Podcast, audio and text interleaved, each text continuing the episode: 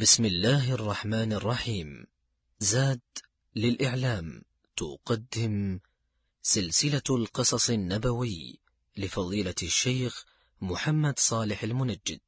الحمد لله والصلاة والسلام على رسول الله وعلى آله وصحبه أجمعين. أيها الإخوة والأخوات السلام عليكم ورحمة الله وبركاته. وبعد فنعيش وإياكم مع الأنفاس المباركة. لنبينا صلى الله عليه وسلم وهو يقص علينا القصص. هذه القصص فيها عبرة لأولي الألباب فيها ذكرى وتذكرة. هذه القصص من الوحي الصادق فيها لنا مثلات من أمم قد خلت. أفراد عاشوا عبر التاريخ وأحداث مضت نقرأها نحن كي نأخذ منها العبرة. عن أبي هريرة رضي الله عنه قال سمعت رسول الله صلى الله عليه وسلم يقول كان في بني إسرائيل رجلان. كان أحدهما مجتهدا في العبادة وكان الآخر مسرفا على نفسه. فكان متآخيين. على إيمان هذا وفسق هذا لكن كانت هناك علاقة. فكان المجتهد لا يزال يرى الآخر على ذنب فيقول يا هذا أقصر. وهذا جيد أن المؤمن مع العلاقة ينكر ويقول يا هذا أقصر. فيقول أي المقصر المذنب العاصي خلني وربي أبعثت علي رقيبا؟ ولا شك أن هذا جواب سيء أن يواجه الآمر معروف النهي عن منكر بهذا. لكن حدث في القصة ما هو أسوأ من الطرف الآخر. قال إلى أن رآه يوما على ذنب استعظمه فقال له ويحك أقصر. قال خلني وربي. أبعثت علي رقيبا فقال والله لا يغفر الله لك أو لا يدخلك الله الجنة أبدا. فبعث الله إليهما ملكا فقبض أرواحهما. واجتمعا يعني عند الله. فقال للمذنب اذهب فادخل الجنة برحمتي. وقال للآخر أكنت بي عالما؟ أكنت على ما في يدي قادرا؟ اذهبوا به إلى النار. قال أبو هريرة والذي نفسي بيده لتكلم بكلمة أوبقت دنياه وآخرته يعني أهلكته. الحديث رواه أبو داود وأحمد وهو حديث صحيح. في بني إسرائيل يوجد عباد وزهاد ويوجد كذلك كفرة وعصاة كثر هذه القصة من أيام بني إسرائيل. فيها صديقان متآخيان أحدهما مجتهد والآخر مقصر والمجتهد ينكر والمقصر يرد خلني وربي. إلى أن حدث ذلك الموقف الذي جعل العابد يزل زلة عظيمة ولئن كانت معصية الفاسق في تقصيره في حق الله وانتهاكه لحدود الله لكنه لم يصل إلى الكفر. وهذا العابد وصل إلى درجة شنيعة من الكفر عندما حكم في شيء من اختصاص الله وقال والله لا يغفر الله لك أو لا يدخلك الله الجنة كأنه هو الذي يتحكم في الداخلين وفي الجنة من الذي يدخلها ويتألى على الله ويفرض أحكاما. الأمر كله لله ما شاء كان وما لم يشأ لم يكن. يغفر لمن يشاء ويعذب من يشاء. وما كان لعبد من عباد الله أن يحجر على رب العالمين ولا أن يفرض عليه شيئا ولا أن يقرر هل يغفر الله لفلان أو لا يغفر الله لفلان. فتكلم هذا المسكين على عبادته تكلم بكلمة أخسرته دنياه وآخرته. قال الله للمتألي أكنت بي عالما؟ أكنت على ما في يدي قادرا؟ اذهبوا به إلى النار. ومن هنا يا أيها الإخوة والأخوات ندرك جيدا بأن التألي على الله والقول على الله بغير علم والتحكم زعم التحكم برحمة الله تحجر عن فلان وتعطى لفلان أن هذا يوبق عمل الإنسان. من الكبائر الشديدة أن تقولوا على الله ما لا تعلمون. من أشنع صور المتعدي أن يتعدى المخلوق على حق الخالق وينصب نفسه حكما يتألى على أحكم الحاكمين. ويستدرك على أرحم الراحمين ويصنف البشر كأنه اطلع على الغيب واتخذ عند الرحمن عهدا وعنده دخول الجنة ودخول النار. لا يجوز أن نقحم أنفسنا أبدا في شيء بين الله وعباده وهو من خصائص الله. ولا أن ننصب أنفسنا حكاما على عباد الله ونحدد مصائرهم. فكل من مات لا يشرك بالله شيئا فهو تحت مشيئة الله إن شاء عذبه وإن شاء غفر له. ولا يجوز لأحد أن يقول فلان في الجنة وفلان في النار إلا من شهد له الشرع بالنار والجنة. ففرعون شهد الشرع بأنه في النار إبليس شهد الشرع أنه في النار أبو جهل شهد الشرع أنه في النار وقارون وهامان وفلان وفلان. وهناك من شهد الشرع لهم بأنهم في الجنة كالعشر المبشرين في الجنة. حدث رسول الله صلى الله عليه وسلم أن رجلا قال والله لا يغفر الله لفلان وإن الله تعالى قال من ذا الذي يتألى علي أن لا أغفر لفلان فإني قد غفرت لفلان وأحبطت عملك رواه مسلم. قال ابن الجوزي هذا المتألي جهل سعة الكرم فعوقب بإحباط العمل. قال الله تعالى يعذب من يشاء ويرحم من يشاء وإليه تقلبون. فهو الحاكم المتصرف يحكم ما يشاء ويفعل ما يريد. مصائر العباد بيده لا معقب لحكمه لا يسأل عما يفعل. له الخلق والأمر وهو سبحانه وتعالى لا يظلم مثقال ذرة. فلا يجوز لأحد أن يجزم بالغفران أو العقاب لشخص إلا إذا حكم الشرع بذلك. وجاء في الكتاب والسنة أن هذا معذب وهذا ناج لأنه أيها الأخوات لا أحد يعلم مشيئة الله وإرادته في عباده. لا أستطيع أن أقرر أنا ولا أنت من في الجنة ومن في النار. ويجب أن نحذر جدا من أن نخطئ في مسائل الكفر والشرك. والعاصي ربما يختم له بخاتمة خير. ربما يتوب الله عليه قبل أن يموت. وقد يكون بينه وبين الله طاعات نحن لا نعلمها. والله عز وجل يغفر له بها. والقصة فيها فوائد كثيرة منها أن الأمر بالمعروف والنهي عن المنكر لا بد منه. ولم يخطئ العابد في نهيه عن المنكر بل أصاب. لكنه أخطأ الخطأ الشنيع بعد ذلك في الحكم. لابد أن نأمر بالمعروف وننهى عن المنكر ندعو إلى الله بالحكمة والموعظة الحسنة كما ذكر ربنا ادعو إلى سبيل ربك بالحكمة والموعظة الحسنة وجادلهم بالتي هي أحسن. فمن الناس من هو جاهل يحتاج إلى تعليم فنعلم بالحكمة.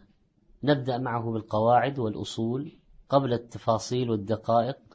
نبدأ معه ببناء قواعد الإيمان والعقيدة في نفسه قبل الدخول في الأحكام التفصيلية.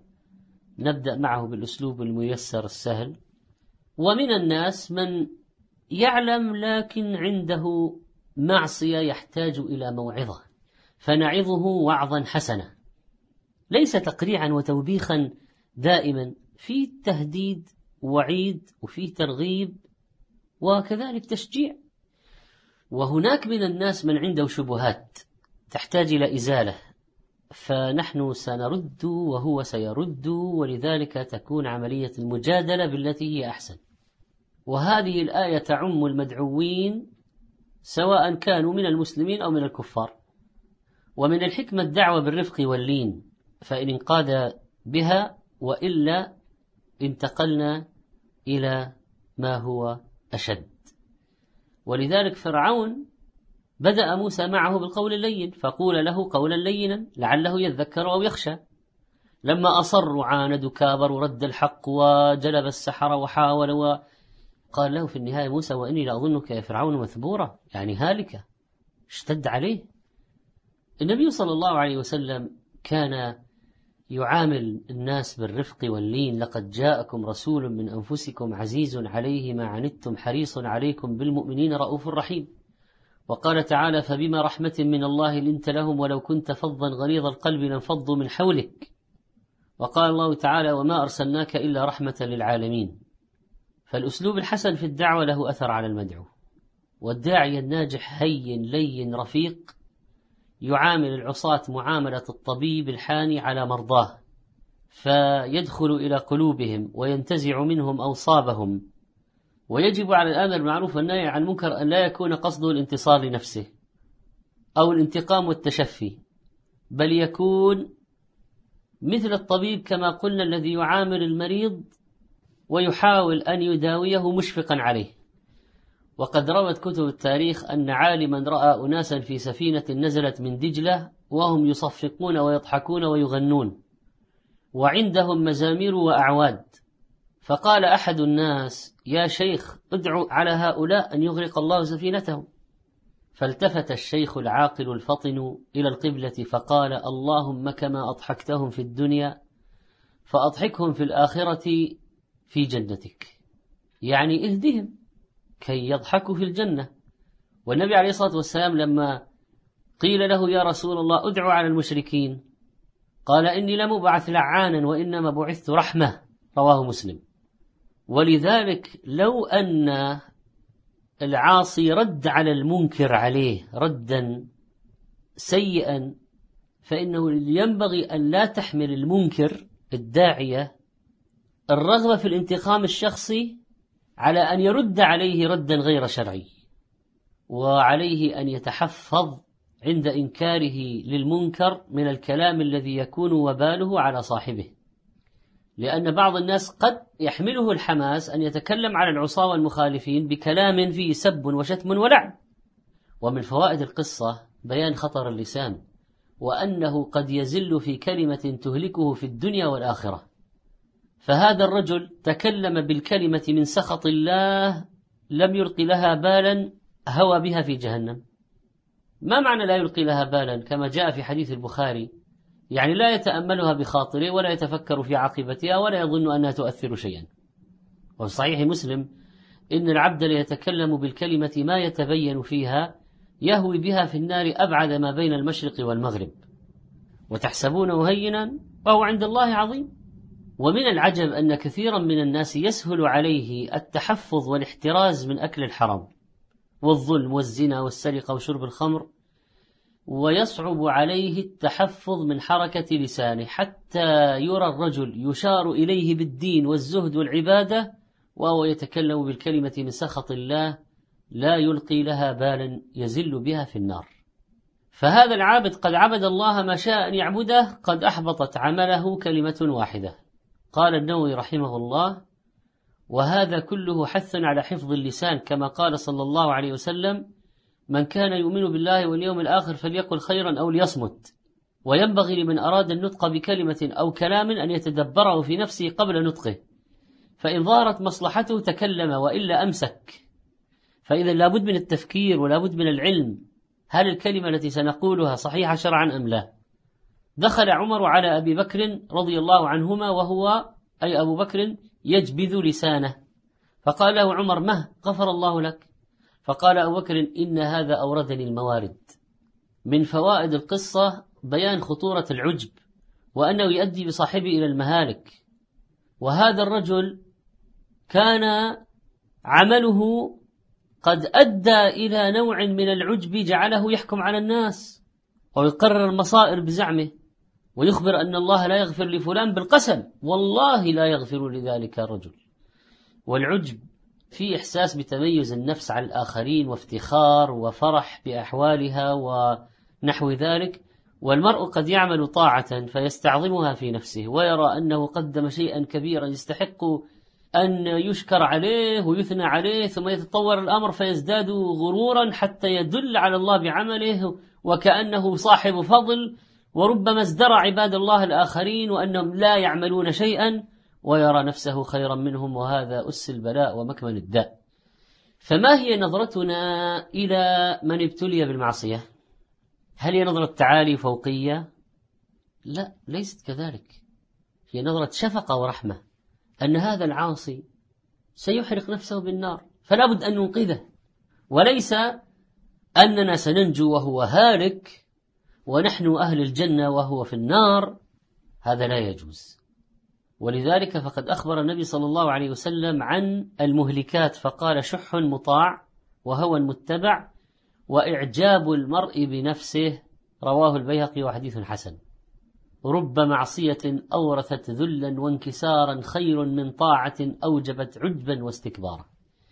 يعني بعض العصاة من غير المتمردين والمعاندين يعني عنده شهوة ونفسه ضعفت وارتكب معصية نظر إلى امرأة أجنبية نظر في صورة محرمة لكنه في نفسه يعتقد أنها معصية وهو نادم.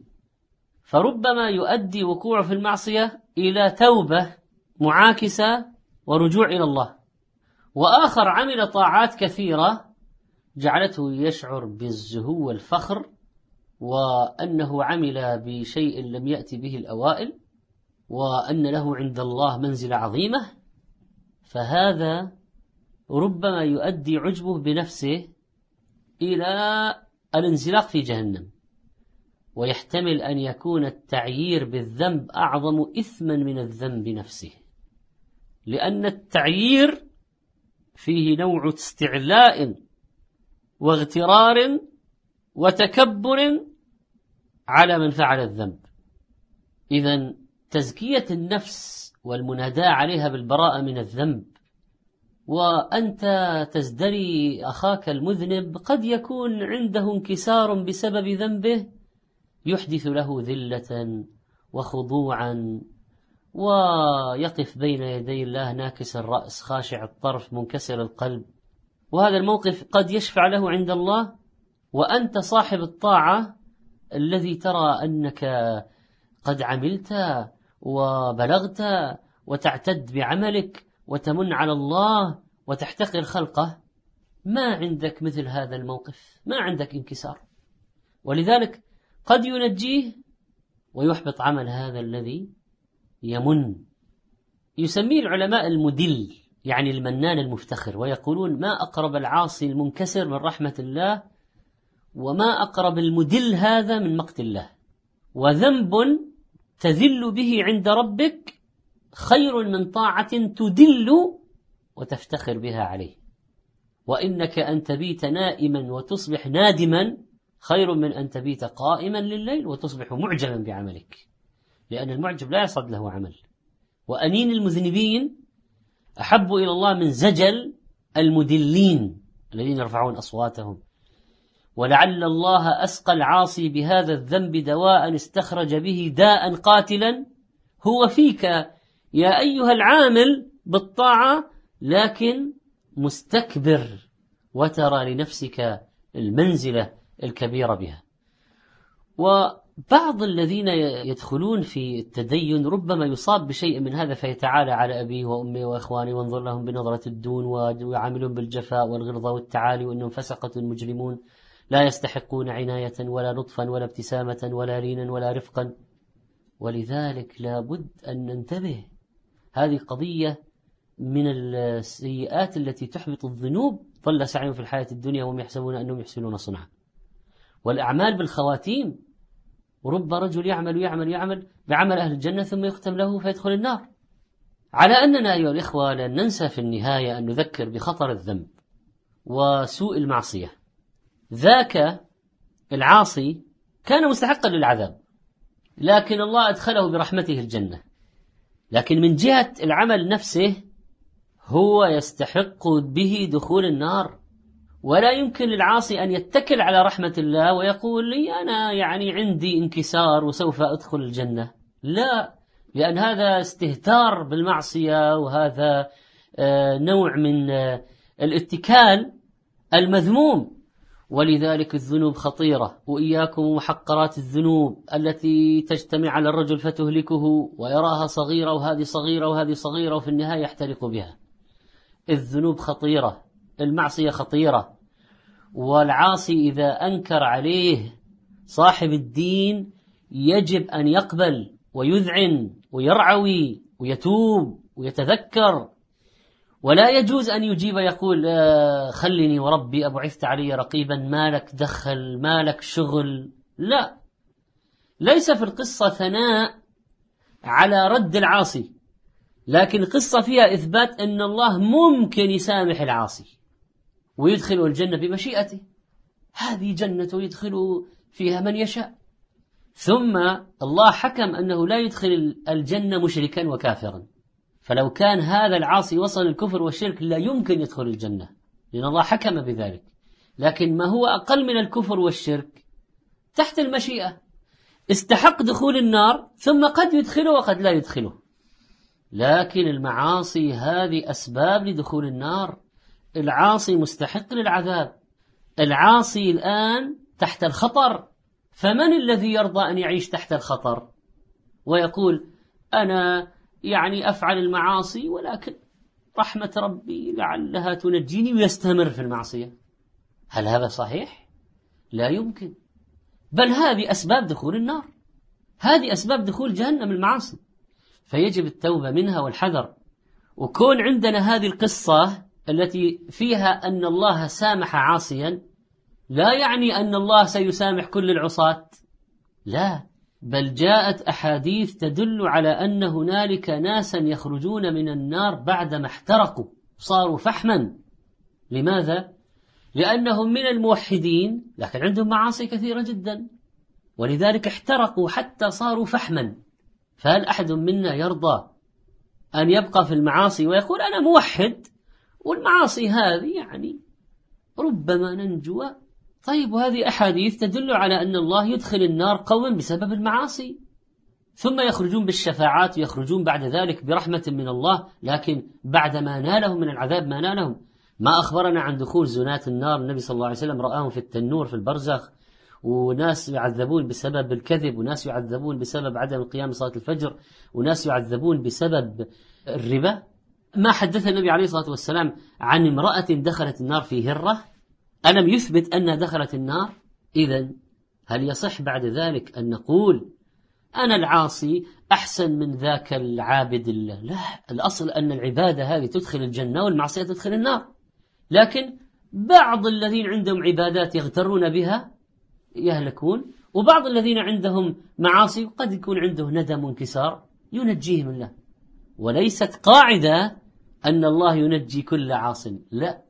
فنسأل الله سبحانه وتعالى أن يتوب علينا وأن يغفر لنا ذنوبنا وصلى الله على